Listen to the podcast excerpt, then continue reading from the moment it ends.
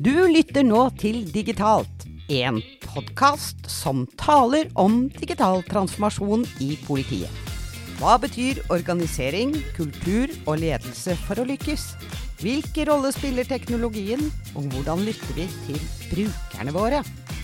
Vi deler våre erfaringer og refleksjoner i denne podkasten, som er laget av oss i PIT, som står for Politiets IT-enhet. Vi er mange innbyggere i Norge, og vi er mange som jobber i politiet. Og felles for oss er at vi trenger gode opplevelser. Så skal vi i Digitalt i dag snakke om design. Det blir bra, Stig. Det blir veldig bra. Det er jo et uh, spennende tema å snakke litt om den uh, altomslukende brukeren. Så derfor, altså, skal vi snakke om faget design. Og da har vi med oss en gjest, Stig. Det har vi. Og denne den gjesten, hun har vært i politiet i sånn cirka akkurat ett år. Og uh, hva er det du heter, du berømmelige gjest? Jeg heter Marte Holmøy, uh, og jeg er leder for design i politiet. Utdanna fra Arkitektur- og designhøgskolen i Oslo for 20 år siden. Gikk raskt over til digitalt, og har egentlig jobba med produktutvikling siden 2003, nesten før det ble digitalt. Og så har jeg de siste 13 åra jobba med å bygge opp designmiljøer i ulike byrå og konsulenthus eh, før jeg kom til politiet for et år siden og skal bygge opp design her. Og det er du godt i gang med? Ja. Det er du godt i gang med, men jeg syns jo du skal nevne at du har jo jobba for noen sånne eh, spennende saker som heter Lego. Og det er jo litt sånn Noen av oss syns jo det er veldig fascinerende. Mm, det var min første jobb, faktisk. Jeg var tre år i uh, Lego. Satt på designkontoret rett bak uh, parken i Billund. Uh, og jobba egentlig der som, som, konseptutvikler og mer og mer liksom visuell designer gjennom de tre åra jeg var der. da. I digitalt så prøver vi jo å dele hva vi gjør i politiet i forhold til den, den svære digitale transformasjonen vi står i. Hva, hva, tenker du om designs rolle i eh, digital transformasjon? Jeg tenker jo at uh, en av de uh, styrkene som design kommer inn med, er jo den måten vi angriper problemer på. Uh, og at vi tar utgangspunkt i brukerens behov og de situasjonene de står i, de problemene de skal løse, og ser systematisk på det. Jeg tenker I en sånn organisasjon eller virksomhet som politiet, så, så tror jeg det er ekstremt viktig å, med den visualiseringsevnen designere har. til å liksom, eh, De kartlegger ikke bare, men de visualiserer det de finner underveis. Og i så store virksomheter eller etater som politiet, så er det et utrolig kraftfullt eh, virkemiddel for å klare å eh, lande i en felles problemforståelse. Både å forstå mer av problemet til brukerne, og til å greie å artikulere den innsikten og den pro problemforståelsen man får, til eh, organisasjonen for øvrig. Ja, det vil jeg si. Jeg vil jo si at den biten med innsikt tror jeg er utrolig viktig. Det å på en måte skape mer forståelse for hva er det som egentlig er problemet her, det tror jeg er kjempeviktig inn i den Det å utvikle noe som eh, skal brukes av noen andre, uten å forstå hva, faktisk, hva de faktiske problemene er, så tror jeg ja, Så blir det ikke så bra som det kunne blitt, da. Og den eh, eh, måten designerne jobber på, nettopp med det innsiktsarbeidet, tror jeg er kjempeviktig inni det. Det er godt å høre, Stig, at, uh, at, du har noen klare meninger om dette. For ellers er det ikke sikkert at Marte ville være her. Så uh, det er jo betryggende. I det innsiktsarbeidet som dere snakker om nå, begge to egentlig, uh, hva tenker du kan, om tverrfaglighet i det, Marte? Ja, jeg tenker jo at det er utrolig viktig at det ikke bare er designeren som er ute og gjør innsikt. Fordi det er jo et team som skal løse et problem. Uh, og man løser jo ikke det problemet kun gjennom å være designer. Det skal jo litt teknologi til, det skal litt målstyring til. Og, og, jeg tenker at for at det tverrfaglige teamet sammen skal klare å løse oppgaven, så er det også viktig at man sitter på den samme problemforståelsen. Så det å være med ut sammen med en designer på innsiktsarbeid og eh, få se situasjonene løsningene brukes i, f.eks., er utrolig viktig også for utvikleren. Da.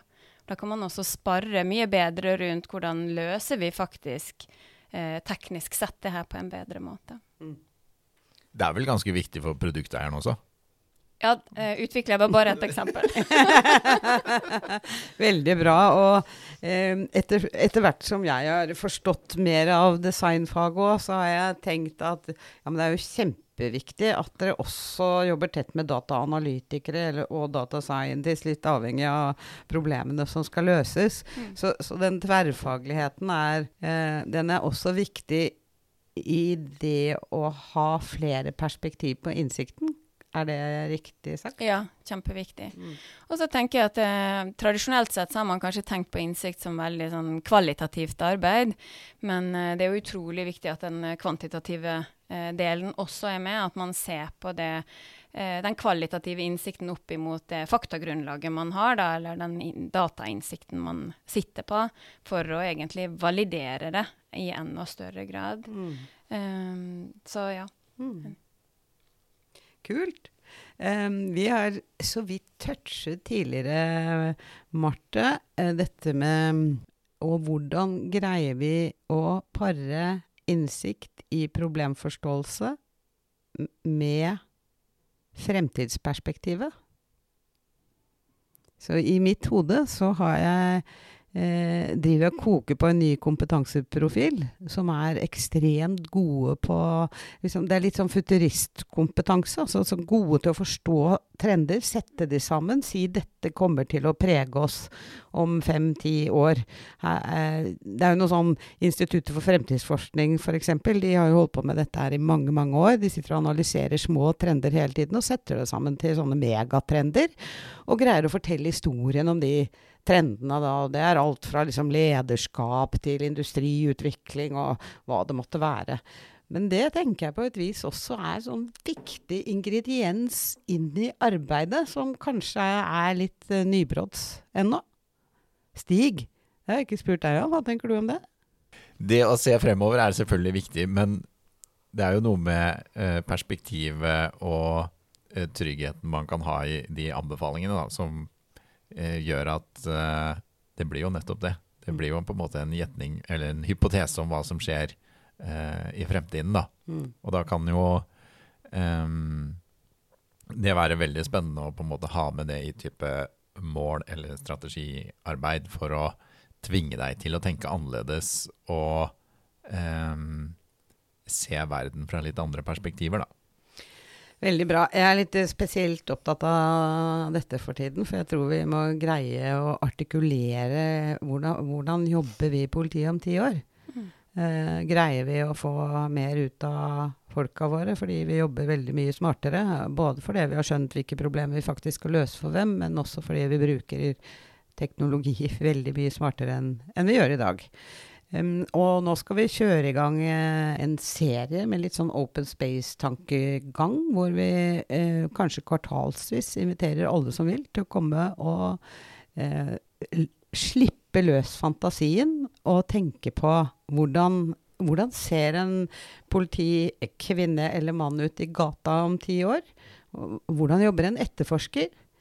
Hva, hvordan påvirker det domstolene? Altså at vi, vi på en måte får en bevegelse i Pitt, da, hvor vi alle sammen liksom løfter blikket og slipper løs fantasien og prøver å forestille oss politiet et godt stykke inn i fremtida. Så derfor så var jeg litt uh, opptatt av også det. Og så hører jeg Vi har jo et produktområde, og jeg hører også fra Hafsa, som leder det produktområdet, det har vi diskutert i en uh, tidligere, eller hatt inne i en tidligere episode, at det er litt lett å begynne å løse dagens problem. Og er vi sikre på at det er riktig hvis vi setter fem nesa frem eller ti år frem i tid? Så det, dette er viktig. da. Hva, hva, tenker du, Marte? Jeg tenker det er kjempeviktig. Og det var vel en av de observasjonene jeg gjorde med liksom ganske, ganske, tidlig når jeg starta her. at uh, vi er på riktig vei, men vi har kanskje ikke ennå vært uh, så gode til å se langt nok frem, da, eller sette ord på den derre langsiktige visjonen vår. Hva er politiet om 10-15 år, da? Og det er jo som Stig sier, at det, det, er klart det blir jo på en måte bare en, en hypotese. Men det er viktig å ha den hypotesen, for hvis mm. ikke så ser vi på en måte bare rett foran tærne våre hele tida mm. og skal bare skifte ut ting. Mm. Så for å faktisk bevege oss, så må vi vi jobber jo ofte med tre horisonter som designere. At vi klarer å liksom si OK, ditt, eh, den tredje horisonten er dit vi skal, men for å komme dit så må vi ta to, et par mellomsteg, og så jobbe først med å definere de, da, for, for å sikre at vi tar oss videre. Eh, men at vi heller ikke kun snakker om, eh, om den veldig langsiktige visjonen, da, for det blir jo også eh, vanskelig, ikke sant. Um, veldig bra, veldig bra. Så, og egentlig veldig godt å høre. Det likte jeg. Tre horisonter. Det tror jeg ikke jeg har snakket med deg om uh, tidligere, men det var uh, uh, veldig, veldig bra. Og så tenker jeg på et vis at dere designere er helt superviktig inn i dette arbeidet vi nå skal sette i gang. Da. At nettopp fordi dere er så visualiseringssterke. Så hvordan liksom Hva er bildet da av politiet om, om ti år? Så det blir veldig bra. Jeg tror jo kanskje også at det kan være lettere å få eh, politisk gjennomslag for de litt mer langsiktige tankene våre, hvis vi greier å fortelle om de effektene vi har tenkt å skape ved det. Da blir vi bedre til å eh, på etterretning, vi blir bedre til å avdekke gjengkriminalitet, forebygge Vi må artikulere det i de gevinstene tror vi tror vi kan greie å skape, da. Men veldig bra. Uh, du Marte, en, en, ting jeg har lyst til å spørre deg om som, uh, som jeg syns er veldig, veldig spennende, det er at uh, du har ansatt en personalleder. Men denne personallederen er en doktor, er han ikke det? Jo. Det, Og mm. innenfor et tema som jeg ikke hadde hørt så mye om før. Vi har, uh, har, faktisk to personalledere i design. og Den ene er mm, med rett, uh, det er riktig at han er, har en doktorgrad innenfor noe som heter design for sikkerhetskritiske systemer. Og han er nok den eneste i Norge som har akkurat det. Så det er jo uh, kjempespennende for oss å ha fått han om bord. Fredrik heter han. Fredrik. Mm. Han skal vi nok også snakke med en dag, Stig. Men hva betyr det, da? Være... Ja, det var det jeg lurte på også. Hva ja. er det egentlig dette her betyr, da? Hva er sikkerhetskritisk design, og hvorfor er det viktig for politiet? Ja, altså, bred, Vi gjør jo veldig mye i politiet. eller Politiet leverer utrolig mange ulike tjenester eh, til eh, samfunnet, eller borgerne. Og eh, noen av de er jo veldig sånn, det man kan si nesten er lettbente løsninger, som å bestille nytt eh, pass. Det er jo en ganske enkel prosess, selv om den også krever sitt.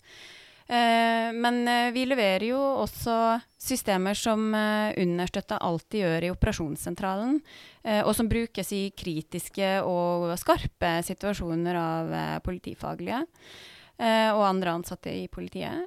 og i, når man skal se på og lage et nytt system da, for operasjonssentralen, så går jo det inn under kategorien sikkerhetskritisk.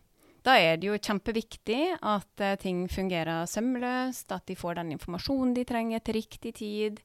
Uh, og at det ikke går an å At man liksom reduserer sjansen for å gjøre feil. Uh, og at alt understøtter og hjelper de som jobber i operasjonssentralen til å gjøre best mulig, fatte best mulig beslutninger. Så, og, og, det krever jo noe annet av en designer, og det krever noe annet av måten vi utvikler de eh, tjenestene eller produktene på. Da. Um, vi kan jo ikke gå inn i en operasjonssentral og teste ting. Og bare be de om å bruke tid på et konsept vi har. Det er jo én ting. Og vi, det er jo også ganske vanskelig å komme tett på brukergruppen i seg selv. Så det er mange elementer der som gjør at vi må tenke litt sånn nytt rundt hvordan vi går til verks. Jeg kan ikke jobbe like smidig som vi kanskje vil. At det må være noen andre rammebetingelser og prosesser på plass. da. Um, og så betyr det jo at vi må kunne en del andre ting som designere kanskje ikke lærer på skolen. Du må kanskje kunne mer om alarmfilosofi, du må kunne mer om menneskelig psykologi. Hvordan er det vi faktisk reagerer i kritiske situasjoner? Vi må kanskje kunne enda mer om hva som er lov å gjøre og ikke. Sånn personvernmessig også. Så det stiller en del andre og nye krav til oss som designere. Da. Det her er veldig, veldig, veldig spennende. Eh, og jeg har aldri tenkt på det før. Men eh, når du snakker om det nå, så it makes sense, for å si det sånn. når du bygger opp designmiljøet i politiet, så har jeg fått øye på at uh, du har dine helt egne tentakler og antenner for hva du er på jakt etter. Greier du å si noe om det? Jeg ser jo generelt etter mennesker som er ute etter å samarbeide. Um, og som ikke opererer alene, egentlig. Som er klar over sine egne styrker, men også hva de trenger andre til. Det er jo litt sånn Jeg, jo, jeg er jo bevisst det selv også, at jeg er jo sterk på noen ting. Men jeg trenger gode folk rundt meg også. Og sånn tenker jeg at den holdningen bør eh, designerne som er ansatte, også ha. da. Jeg tenker det er en god egenskap. At du vet å søke hjelp fra folk som du ser at du trenger inn i teamet. Kom annen kompetanse. Og det kan jeg si at eh, du har virkelig, virkelig imponert meg. For det, det, er noe eget med dette designmiljøet som er i ferd med å liksom, bygge seg opp i politiet. Eh, jeg syns jeg kjenner igjen noen gode trekk hos de du rekrutterer, så gratulerer med det, altså, Marte. Der, der, der har du noe eh, som er gull verdt for både deg og designmiljøet og oss i politiet. Men eh, Marte, når det har gått eh, et år Nå begynner det å bli nei, Politiet er svært og komplekst, og det er fryktelig mye eh, å, å, lære seg. Jeg syns jeg oppdager noe nytt hver uke enda. Men greier du nå å oppsummere oppsummere hvorfor er design i politiet spesielt spennende? Politiet gjør veldig mye mer enn det jeg tenkte at politiet gjør. Eh, så, så, det er veldig mange forskjellige um, designutfordringer å ta tak i. Så det har vi jo sett, at det, det, kommer masse flere henvendelser til oss nå fra team rundt om som ser at de trenger en designer inn, og vi får være med på veldig masse forskjellig. Men uh, Marte, design, um, sånn som uh, det har kommet fram i politiet, da, så er det sånn at noen har kanskje tenkt at design det er bare sånn er form og farge og litt uh, Sånn ser det ut og sånn. Men det er vel flere her som har etter hvert oppdaga at design er ganske mye mer enn akkurat det. Ja, det syns jeg begynner å vokse frem en forståelse for nå. Uh, jeg kjenner at når jeg kom inn for et år siden, så var det mer en mening om at uh, Eller en oppfattelse av at designfaget er Det handler om å få ting til å se pent ut, sånn i hovedsak. Og, og, nå er det jo en mye større forståelse for at design egentlig i like stor grad, og minst like stor grad, handler om å forstå eh, brukeren og problemer, og kartlegge situasjonene. Eh, og at det er egentlig de to tinga sammen, ikke det rent visuelle, men det handler om innsikten som en hovedkomponent, og så handler det om det å bruke innsikten og oversette den til konkrete nye løsningsforslag som er liksom den andre hovedkomponenten i designfaget. da. Og det visuelle, det, det, er jo viktig, det også, men det handler jo heller ikke bare om at ting skal se pent ut. Det handler jo om at det skal understøtte funksjonalitet og informasjon, og det skal styrke eh, avsenderen av et produkt eller en tjeneste. da. Så eh, det er en mye større forståelse for det nå, det, men det er jo fordi vi prater så mye om det, da.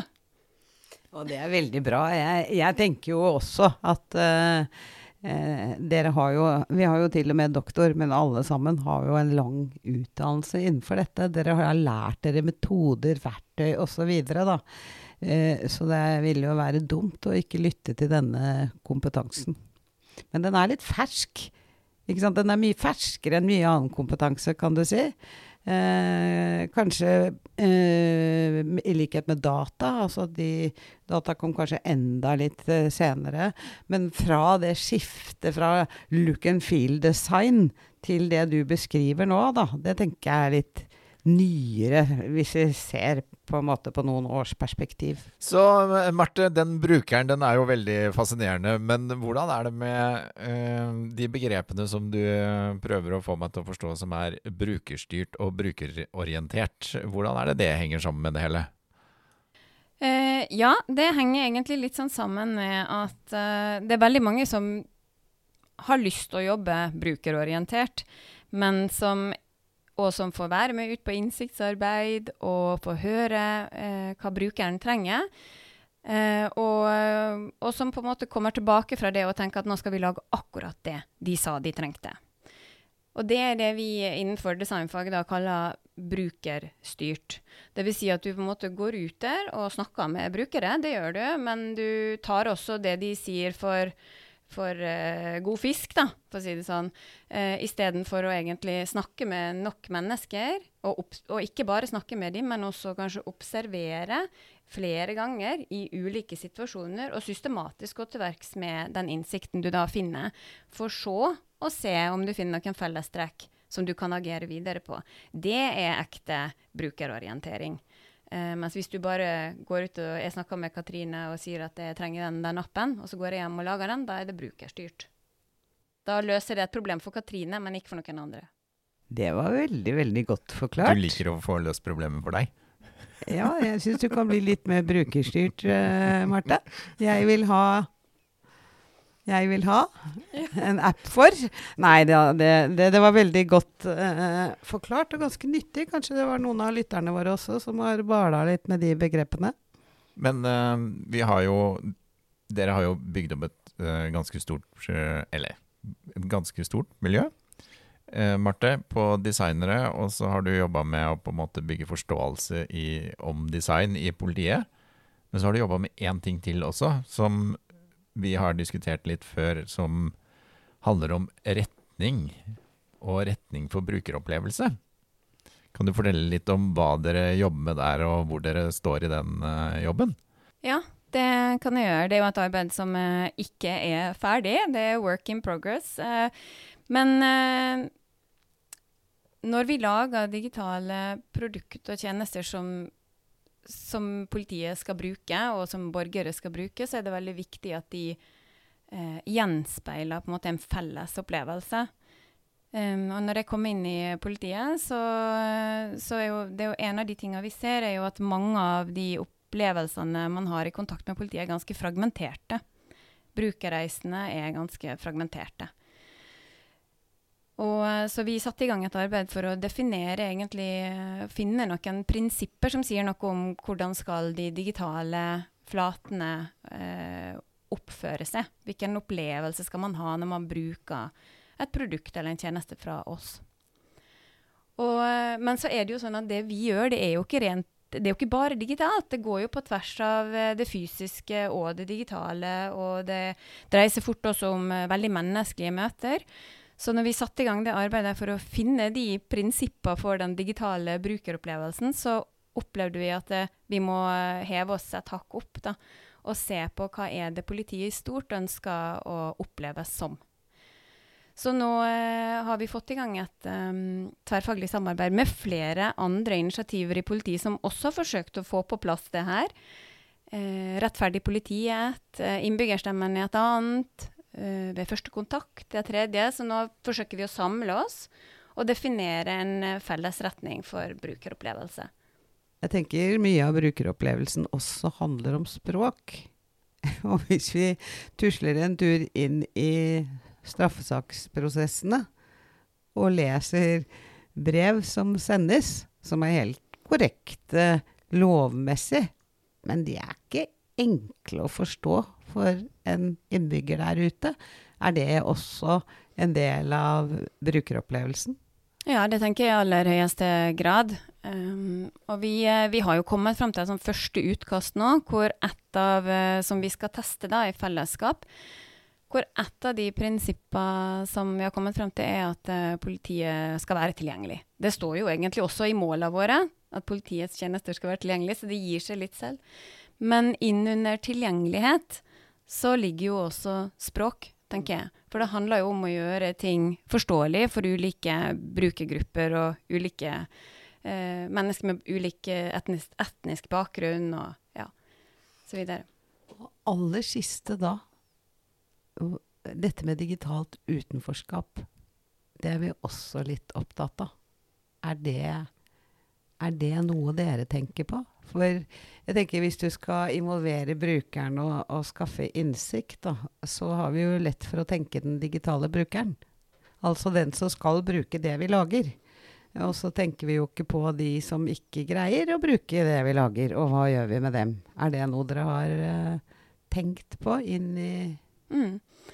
Det tenker jeg er en kjempeviktig oppgave for enhver designer, egentlig. At, uh, at vi passer på at vi bruker teknologi hensiktsmessig. Og ikke bare tenker at vi skal digitalisere alt. Fordi eh, det er jo ikke, det er ikke alltid det er den beste løsningen. Så det opplever jeg at vi snakker mye om i designseksjonen, at alle har med seg det inn i det arbeidet de gjør. For når vi snakker om digitalisering, så snakker vi mye om teknologi, men det handler om mennesker. ikke sant? Og det å forstå hvor man skal bruke teknologien hensiktsmessig, er utrolig, et utrolig viktig spørsmål inn i det. da. Det var fantastisk, Marte. Jeg føler meg ganske trygg på at vi er i de beste hender i politiet når det kommer til design. Tusen takk for at du kom på besøk og delte dine tanker med oss og alle der ute. Og så tror jeg du oppsummerte denne episoden veldig bra. Digitalisering handler først og fremst om mennesker. Du har nå lyttet til Digitalt, en podkast laget av Pitt.